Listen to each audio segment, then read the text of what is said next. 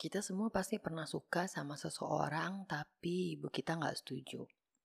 Sebagai anak yang dulunya batu ya, ya sekarang udah lebih nurut lah sama ibu.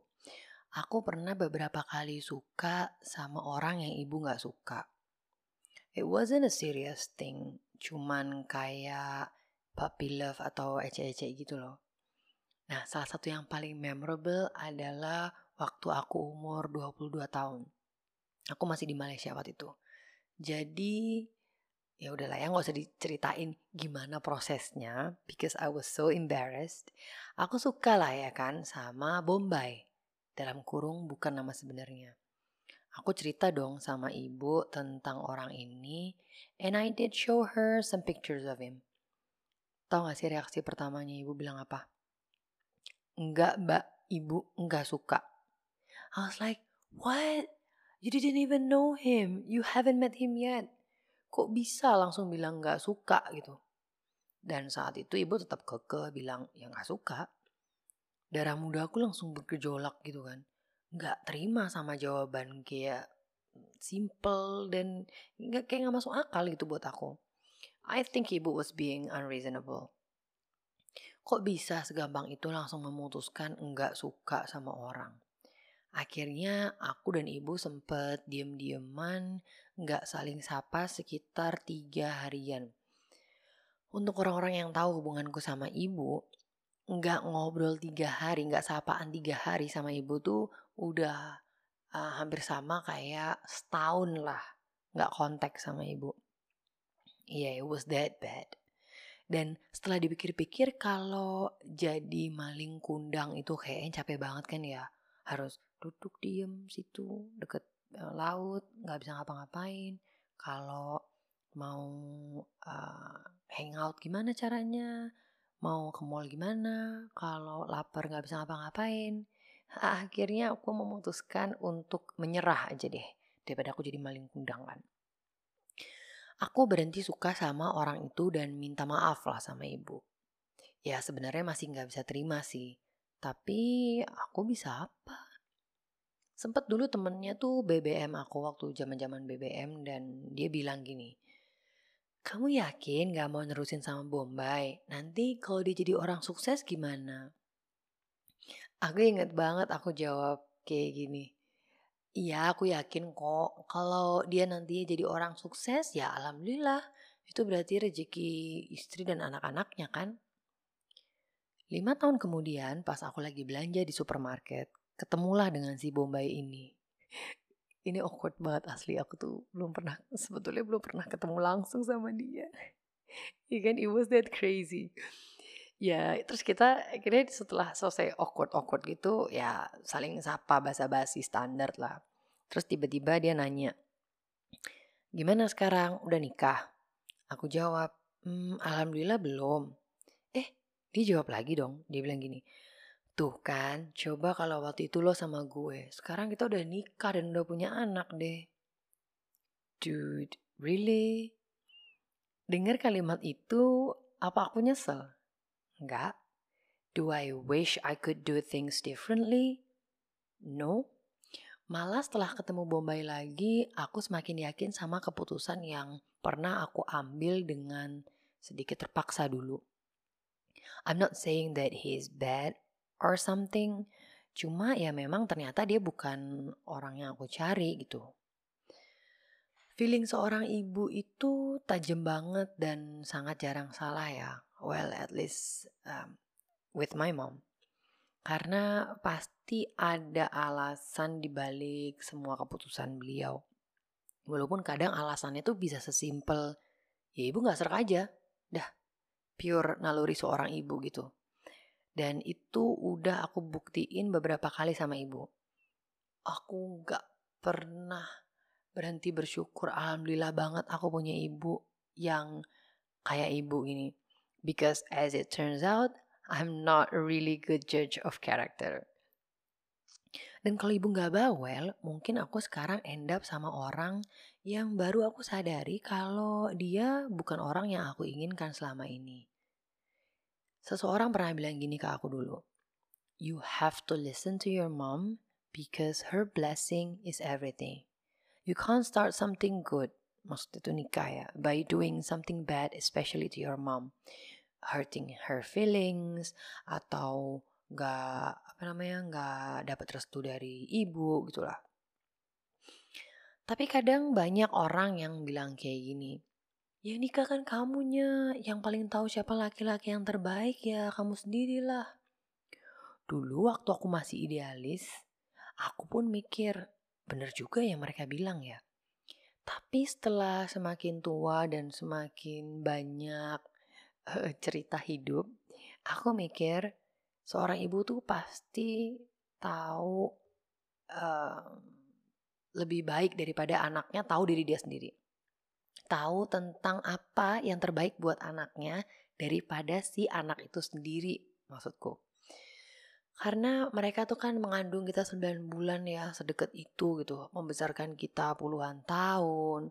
Terus uh, ngajarin kita tentang apa-apa yang kita nggak tahu dan memperhatikan kita apa yang kita suka, apa yang kita nggak suka, apa yang kita butuh dan apa yang kita nggak butuh gitu.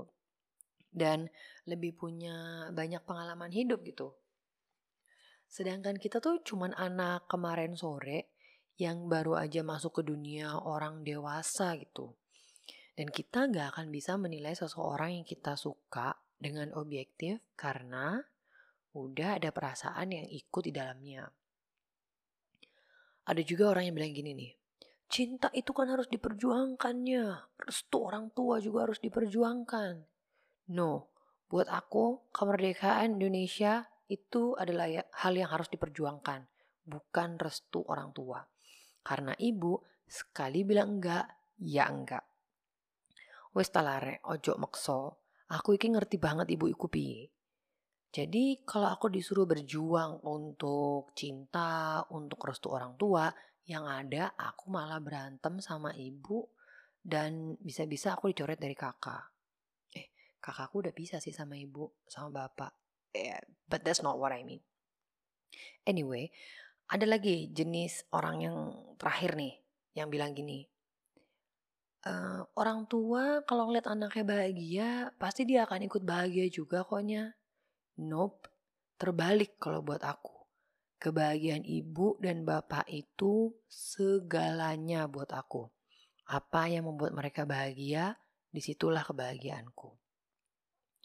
Udah banyak case yang terjadi di mana-mana tentang pernikahan yang subhanallah banyak banget cobaannya karena diawali dengan tidak adanya restu ibu atau orang tua.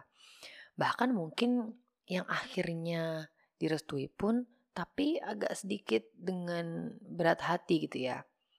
Yang aku tahu pernikahan itu akan banyak cobaannya.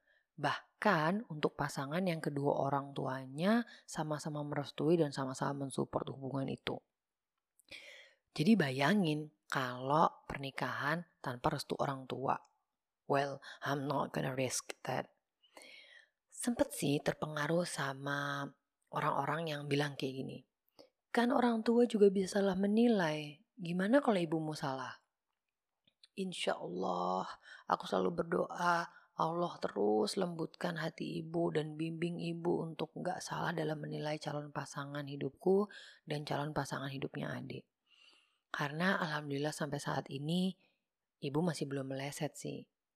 Ada kok beberapa orang yang ibu tuh suka gitu. Bahkan sampai bisa ngobrol langsung sama orang itu gitu.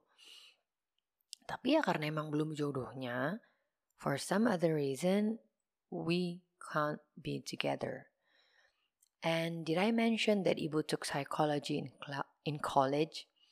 Jadi semua yang keluar dari mulut ibu itu udah melalui pertimbangan yang cukup panjang lah.